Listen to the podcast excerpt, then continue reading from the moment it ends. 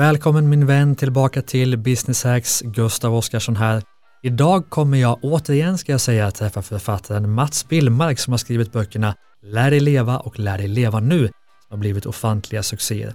I det här avsnittet kommer vi prata om företagarens vardag, företagarens ekorrhjul med all stress som det innebär, hur man lätt kan hamna och gå in i väggen om man inte ser upp och vilka verktyg vi båda två, både du och jag och alla andra som lyssnar kan använda för att skapa en mer harmonisk och enkel och trevlig vardag som företagare. Det här avsnittet för dig som vill slippa stress och oro, slippa att gå in i väggen om du inte redan har gjort det, hitta möjligheten att leva ett meningsfullt liv som företagare. Varmt välkommen!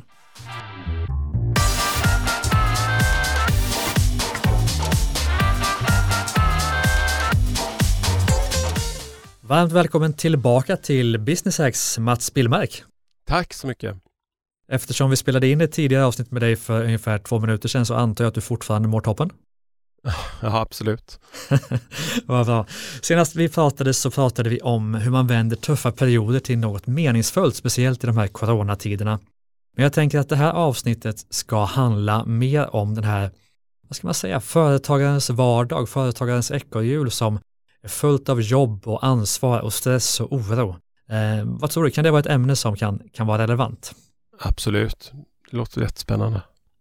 För att jag själv känner igen mig i detta och vi får väldigt mycket frågor och tankar från våra lyssnare just om hur man ska få ihop företagarvardagen där man jobbar mer än de flesta, man har mer ansvar än de flesta, men samtidigt har man alla ansvar som alla andra har. Man ska hämta barn på dagis, man ska få upp privatekonomin och man ska hinna umgås med svärmor på helgen.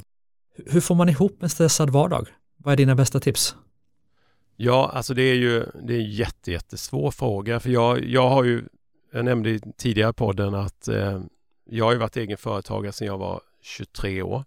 Mm. Eh, och eh, jag gick ju faktiskt in, vi drev, jag och min fru drev butik, vi drev ett stort mässföretag som jobbade med konsumentmässor och gick själv in i väggen. Vi fick, alltså jag, jag, jag var ju företagare säkert i, ja, vad var det, i 8-10 år någonting innan vi fick barn och eh, klarade nog jag var jättestressad jämt och det var full, men sen när vi fick barn så, så blev det alldeles för mycket och jag gick in i väggen. Först ju, gjorde jag det på grund av psykisk ohälsa. Sen när jag tillfrisknade så blev min fru sjuk och mer i fysisk, eh, hon, det var mer fysiska symptom på henne. Så vad lärde vi oss av det? Ska man väl nästan, eh, det är väl det, där vi behöver hamna. Absolut. Alltså vi, vi lärde oss att vi inte skulle hålla på med företagande hemma. Utan det var bättre att stanna kvar någon timme på jobbet. Att sitta vid datorn och liksom skilja på de två. Du förstår vad jag menar. Ja. När det är jobb så är det jobb och när jag är hemma så är jag hemma. För så var det inte i början. Allting flöt ihop. Jag kunde sitta sena kvällar och göra beställningar och göra scheman på söndagarna och sådär. Det, det, var, det var en sån gräns vi drog. Och inte, jag menar, och då på den tiden, nu pratar vi det här ganska många år sedan, mm. eh, nu, nu är vi ju uppkopplade hela tiden, men man måste ju faktiskt inte svara på mail och man, måste, man kan ju faktiskt stänga av eh, telefonen på ljudlös. Det går att lämna meddelande. Man tar i de här jobbrelaterade frågorna när man är tillbaka på jobbet. Mm. Sen, vad, du, du frågade om vad, vad, vad kan man lära sig eller vad, vad är bästa tipsen? Ja, att försöka ändå få pauser alltså. Mm. Våra, vi kan inte bara gå på högvarv hela tiden. Det är, det är som en bil som går för full gas hela tiden. Den håller inte så länge och det gör inte vi människor heller. Vi måste lära oss ta pauser alltså. Mm. Och en paus kan vara att man tar en promenad. Eh, man bestämmer sig att man går ut en promenad eh, innan lunch. Man går ut en promenad på eftermiddagen. Man, nu jobbar vi mycket med mindfulness eh, och mindfulness kanske låter krångligt och lite, lite eh, flummigt för många, men det är det inte. Mindfulness handlar om att fokusera på sin andning. Att få sådana pauser, det är otroligt välgörande alltså.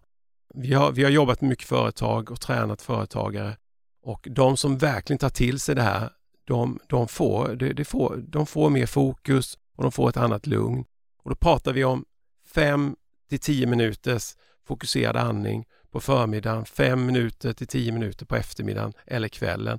Och då tänker man, hur ska jag göra det i ett kontorslandskap när jag har fullt med personal eller runt omkring mig? Ja, men lås in dig i ett konferensrum eller lås in dig på toaletten och fokusera på din andning i fem minuter. Jag vet att det kan låta, ja men gud vad, vad töntigt eller sådär.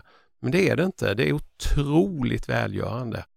Och som sagt, vänta dig inte mirakel första veckan utan ge det ett par, tre veckor så kommer du upptäcka att du får ett annat lugn.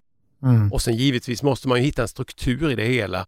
Eh, man måste, jag tror att man, man måste eh, schemalägga, man måste schemalägga både promenader, eventuell träning och, och eh, de här andningsövningarna. Precis som man schemalägger alla andra möten man har under dagarna som företagare. Mm. För jag upplever att många företagare och människor speciellt, man hoppar över de här sakerna som man behöver för sin hälsa. Det kanske är träningen, mm. pauserna, andningen, meditationen, mindfulnessen, mm. de lugna luncherna där man kan äta i lugn och ro. För att man upplever att det hamnar sist i prioordningen. Och, och tvärtom så upplever jag att de som mår bra och bygger fram, alltså framgångsrika företag på lång sikt, de lägger det här som första prio. Ja. Kan du se skillnad du också? Absolut, jag, jag, jag håller med dig till 100 procent. Mm. Eh, det går inte bara att rusa, det är, det är en omöjlighet. Förr eller senare tar det slut. Alltså, vi, vi kan inte, vi är bara människor allihopa. Mm. Vi fixar inte det tempot och jag är ett levande exempel för det, för jag körde exakt så. Mm. Och det höll ett par, tre år. Och grejen också att jag hade så jäkla kul. Eh, jag, hade så, jag drev två företag och jag hade så jäkla roligt på jobbet. Så att jag kände inte efter. Så kan man, det finns en del som säger så ja men har man bara kul så den stressen är inte lika farlig. Nej, det är helt fel. Den är precis lika farlig. Det är nästan ännu farligare för då känner vi inte efter på det sättet. Mm. Utan då drivs vi av att, att det är fortfarande roligt det vi gör. Mm. Och vi, vi, liksom, vi kan pusha oss ytterligare något år eller något halvår eh, i det här höga tempot. Mm. Hur lång tid tog det för dig att komma tillbaka? Ja, alltså mig tog det, jag tror, jag tror det tog ett och ett halvt år nästan. Mm. Eh, på den tiden var ju läkarna välvilliga. Idag är det inte lika lätt att få en sån sjukskrivning. Mm. Men jag tog ju verkligen alla, jag sålde jag sålde det ena bolaget och sen la jag över det. På, så jag var inte på mitt företag på ett halvår. Och det är också en sån där grej. Jag trodde att det här, skulle jag dö eller skulle jag, det hända något med mig, då skulle det här bolaget rasa på två månader. Mm. Nej, det gjorde det inte alls. Man är inte så oumbärlig som man tror. Det finns alltid ersättare som kan göra precis samma jobb eh, eller kanske till och med bättre. Mm. Så att jag lämnade mitt bolag i sex månader helt. Och det var minst lika bra om inte bättre när jag kom tillbaka. Mm. Det är väldigt spännande och det är också spännande att tänka då att, att lägga tio minuter på förmiddagen, tio minuter på eftermiddagen på andning eller en paus, en liten promenad på lunchen det är ju verkligen värt det i perspektiv då att om man inte gör det kanske man får vara borta från företaget i, i ett och ett halvt år.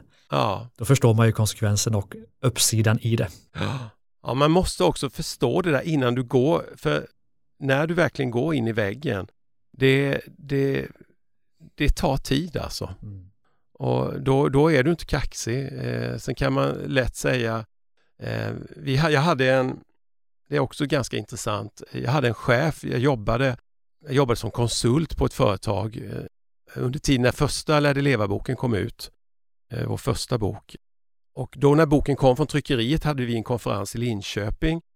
Jag bad min fru skicka en, en hel kartong med böcker, jag tror, det, jag tror det var 30 böcker eller något sånt där. Och vi var väl, jag vet inte, 25 personer på den här konferensen. Så sa jag, alla får köpa den nytryckta boken för 100 kronor styck. Eh, alla köpte boken utom min chef. Han sa, jag behöver inte sånt han, han liksom sa att ja, utbrända det är för sådana som är, som är lata i, i, i princip. Och i och med att han vägrade, han hade liksom varit så tydlig med detta att han, han menade på att, att man kan bita ihop och köra vidare. Så gjorde han det och han körde vidare så jäkla hårt. Sen slutade jag på det här, slutade jobba åt det här företaget efter något år. Mm. Två år senare fick jag ett mail från honom där han sa så här, jag skulle bara börja med att be om förlåtelse. För ett år sedan gick jag fullständigt in i väggen och han hade då drivit sig så hårt och gått så långt över sina gränser att han, han, han fullständigt klappade ihop alltså och var sjukskriven i flera år innan han tog sig tillbaka. Mm. Men det var en förnekelse att, eh, eh att inte liksom känna efter och, och, och, inte heller tro att jag blir inte drabbad utan Det är alla andra som kan gå in i väggen men inte jag. Mm. Så det blir, det blir en, en jäkla läropenning för honom. Verkligen. Mm. Men ska vi gå tillbaka lite till basic, bara att förstå, alltså stress och oro och att gå in i väggen. Vad är det som händer rent fysiskt när vi gör det? Varför hamnar vi där? Ja, men kroppen, kroppen uppfattar ju att det är en krissituation Mm. och då så utsöndrar den ju massa olika ämnen i kroppen. Som, eh, alltså det är också, vi pratade om det i förra podden, eh, våra stenåldershjärnor. Den, den märker ju att det är fara, fara och färde.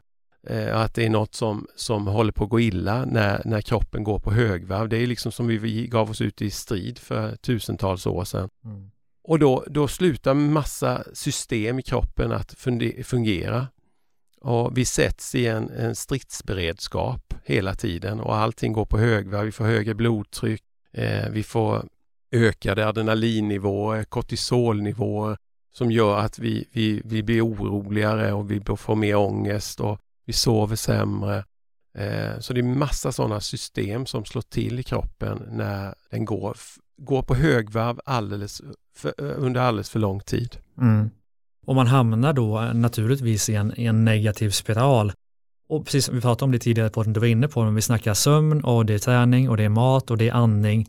Och det handlar ju om att sköter man dem rätt, då har man en positiv spiral. Sköter man dem fel, då har man en negativ spiral. Och på pappret så är det ju väldigt, väldigt, väldigt enkelt. Men om, vi då tänker att jag är en företagare som jag känner lite när jag lyssnar på det här att jag kan vara på väg dit. Vad ska jag göra här och nu för att bara bryta liksom, den negativa trenden och, och hamna i en positiv trend istället? Ja, ja framförallt ta tycker jag ett helikopterperspektiv och se på sin situation att eh, framförallt vad kan jag göra för någonting? För man kan alltid göra någonting. Mm. Man säger jag kan inte, jag måste köra på så annars går det åt skogen. Nej men det, det, så är det inte. Jag, jag kan, en del blir nog förbannade när de hör det här. Men jag lovar det att tar man ett, ett större perspektiv över läget så kan man se att det finns åtgärder att göra. Både små och stora. Och det finns, man kan alltid be om hjälp. Mm. Eh, och man är, inte, man är inte oersättlig utan det finns folk som kan stötta en både företagsmässigt och privat. Mm. Och ofta upplever jag själv i alla fall att det är mina krav på mig själv som orsakar min stress och inte egentligen andras krav. Är- Är det vanligt? Ja, men det tror jag. Man sätter, sätter nog väldigt, väldigt, framförallt som chef eller att man driver ett företag, så tror jag att man sätter orimliga krav på sig själv.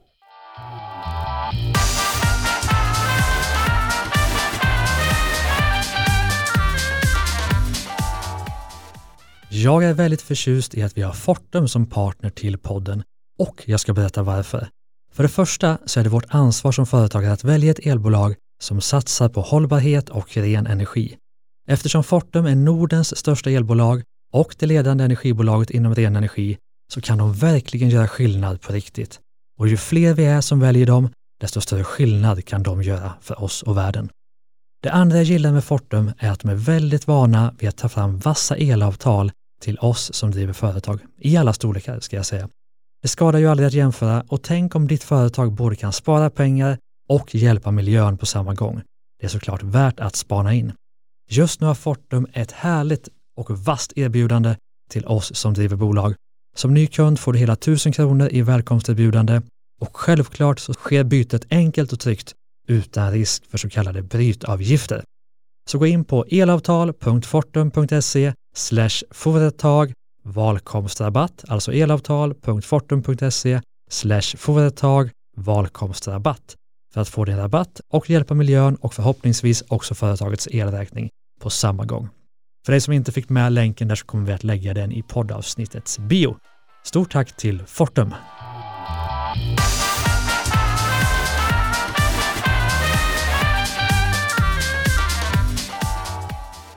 Men du, även företagare lever ju faktiskt i relationer. Eh, Ja, Jag skulle gärna vilja bara flika in och komma in lite på relationer kopplat till stress och oro. För dels har ju naturligtvis stress och oro en negativ inverkan också på relationer. Men mm.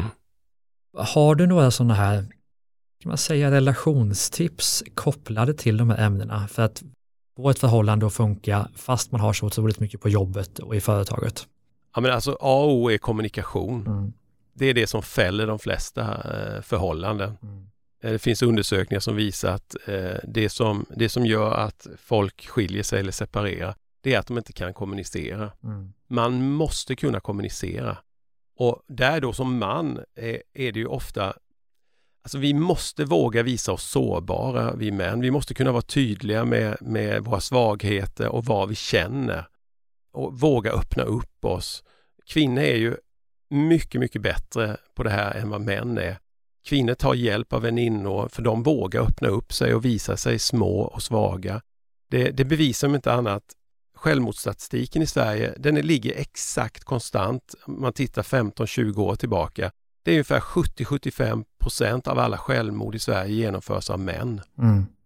Och det, det, tror man inte om man inte vet om den statistiken. För skulle du gissa skulle du säkert gissa nästan att det var ett övertag på kvinnor. Men det är ett jätteövertag på män. Mm. Och jag tror att det beror på att vi inte kan kommunicera. Vi vågar inte öppna upp oss för våra, våra kompisar. Det blir liksom lite tuffare samtal och man, man ska liksom överträffa varandra. Men, men om du har någon riktigt god vän, öppna upp dig och säga jag känner så här nu. Jag skulle behöva stöd och jag känner mig svag. Eh, och framförallt för sin partner. Jag tror att man måste vara tydlig och kommunicera. Mm. Susanne och jag, var, det var ju vårt jätteproblem när vi blev sjuka då första omgången. Att vi kunde inte kommunicera. Mm. Eh, jag gick i terapi hos en privat mental coach i Kalmar. Och jag tog ju upp det här med honom, alltså mitt förhållande håller på att gå åt skogen. Vi, vi, vi kommer aldrig, vi kommer inte, det kommer inte hålla länge till. Då var han så snäll så han sa det, ta med dig Susanne, som min fru heter, eh, och kom till mig och min fru så kör vi ett, eh, så kör vi ett parsamtal eller familjeterapi. Så vi satt då med ett annat par som kunde liksom spegla våra roller om du förstår vad jag menar. Mm. Alltså när vi var hemma så liksom när Susanne sa någonting till mig, så när hon pratade och skällde på mig eller vi kommunicerade eller någonting, då tänkte inte jag på vad hon sa utan jag istället tänkte på vad jag skulle liksom komma för motargument. Mm. Förstår du vad jag menar? Ja. Och skälla tillbaka. Nu kunde vi sitta med ett annat par eh, som kunde säga, men sa mannen då, eh, som vi, så kunde han säga, ja men Susanne, Mats menar så här, det är så här som man menar han att det är så här, liksom det här menar han. Och de kommunicerade med oss Eh, och de räddade oss. Vi hade aldrig varit ett par idag om vi inte hade gått i terapi. Så att gå i terapi och snacka kan vara ett, ett sätt. Mm. Men framförallt att försöka kommunicera inom, liksom med sin partner på ett lugnt och sansat sätt. Det hjälper aldrig att höja rösten och skrika. Eh, för det leder bara till skit och går det åt fandes. Mm. Utan var inte rädd för att berätta om dina innersta känslor för din partner. Det är nog mitt viktigaste tips, relationstips. Och det gäller väl i affärsrelationer med, tänker jag, tillsammans med en kompanjon? Eller? Absolut. Det går inte liksom att köra någon falsk bild och försöka hålla någon fasad. Mm. I längden håller inte det. Nej. Och som sagt, människor är snälla, människor är i allmänhet hjälpsamma. Så visar man sig svag och sårbar så finns det alltid folk som hjälper dig och stöttar dig. Mm. Men då jag blir nyfiken, för jag läser väldigt mycket själv, har du någon sån där, till exempel en bok som har hjälpt dig mycket inom de här områdena som är din, din favorit? Ja, men... Förutom din egen först. Vi ska säga lär dig leva och lär dig leva nu för alla som inte har läst dem, naturligtvis. Ja, ja men de är våra böcker, om jag får säga det själv, är ju fantastiska hjälpmedel. Eh, men jag hade en bok som, när jag gick in i väggen, eh, så jag hade ju jättemycket ångest, mm. oro, ångest, panikångest. Mådde jätte, jättedåligt. Ja, de här, det här mentala coachen som jag berättade om tidigare, jag var i så dåligt skick så att jag klarade inte, jag fick bo hemma hos honom, han och hans fru under ett par veckor när det var som allra, allra sämst, så han hjälpte mig dagligen. Då cyklade jag in till bokhandeln i Kalmar, eh, köpte en bok, det var liksom panik, jag måste få veta mer om det här. Drog ut en bok ur bokhyllan, cyklade tillbaka och började läsa i den och upptäckte att nej men gud, det här var skriven av någon överläkare eller något. Det var liksom bara facktermer, liten text, svårt att ta till sig. Cyklade in igen, lämnade, så får jag byta den här? Ja visst, sa han, gör du det? Drog ut en ny bok som heter Befriad från ångest. Och den boken är den boken som har hjälpt mig allra, allra mest. Mm. Så har man problem med oro och ångest, det, det är mitt absolut bästa, bästa tips. Befriad från ångest den boken finns fortfarande att beställa från Adlibris och Bokus. Jag tror jag läst den 20 gånger. Om Ah. du finge se i den så är det, jag tror nästan hälften av texten är understryken. Det är hundöron överallt. Ja. Men ja, det, är, det är ett jättebra boktips. Ja, men intressant. Vad härligt. Men du Mats, tiden går. Vi har fått väldigt många tips även i det här avsnittet. Ska vi försöka sammanfatta eh, för de som är dåliga på att sammanfatta själv eller vill ha en sammanfattning serverad. Vad, vad blev takeawaysen från detta avsnittet tycker du? För att hantera vardagsoron och stressen. Vi har ju boktipset på slutet naturligtvis. Mm. Vad är det annars vi behöver göra när vi är stressade? Ja, vi, I ett förhållande behöver vi lära oss kommunicera och vara mer sårbara och vara öppna med våra känslor med både våra affärspartners och våra privata partners. Och sen har vi ju 10 minuters pauserna på förmiddagen och eftermiddagen, mindfulness, andning. Ja, och eh, titta på det, vad, vad man eh, ur ett helikopterperspektiv, vad man kan göra för åtgärder och vilken hjälp man kan ta. Mm, Nu kommer jag knappt ihåg vad vi sa i början. Vad sa vi mer för tips? Det har varit en lång rad tips och eh, den som har lyssnat kommer ju naturligtvis ihåg dem. Jag tyckte vi fick ihop en, en hygglig sammanfattning i alla fall. Ja, det blev så mycket på en gång så att jag svårt att sammanfatta. Men, men jag tror att vi fick med dem, ja, det grundläggande och viktigaste. Jag tror det. Och för dig som lyssnar så finns ju naturligtvis Mats och Susanne Billbergs böcker Lär dig leva och Lär dig leva nu, eh, där böcker finns. Och vi har också gjort ett tidigare avsnitt eh, som handlar om eh, hur man kan jobba i tuffa tider med att hitta meningsfullhet och ta sig ur de negativa spiralerna. Så jag får tacka dig. Vi har också, Ja. vi, jag ska bara nämna det också, vi har faktiskt, faktiskt en egen podd också där vi pratar Mm. mycket om de här frågorna. Vi har en podd som heter Lär dig leva-podden som finns överallt, Spotify och Acast och överallt. Ja, Där pratar vi mycket om det här och där har vi återkommande avsnitt med mycket av de här frågorna. Så alla är välkomna att lyssna på den också. vad härligt. Då blir det här avsnittet som en introduktion och så går man vidare sen till, till er podd. Vad härligt. Ja, ja, och stort jättefint. tack Mats för ett eh, superhärligt samtal. Tack snälla, fint. Och tack till dig som lyssnar. Glöm inte att prenumerera på Business Hacks men också på Starta eget-podden och Ordinary People Who Do Badass Things. Där poddar finns eller på driva-eget.se eller mittföretag.com. Där finns det också väldigt mycket artiklar och guider om hur man bygger både företagarlivet och livet på sina egna villkor. Stort tack för att du lyssnade. Vi hörs snart igen. Hej då!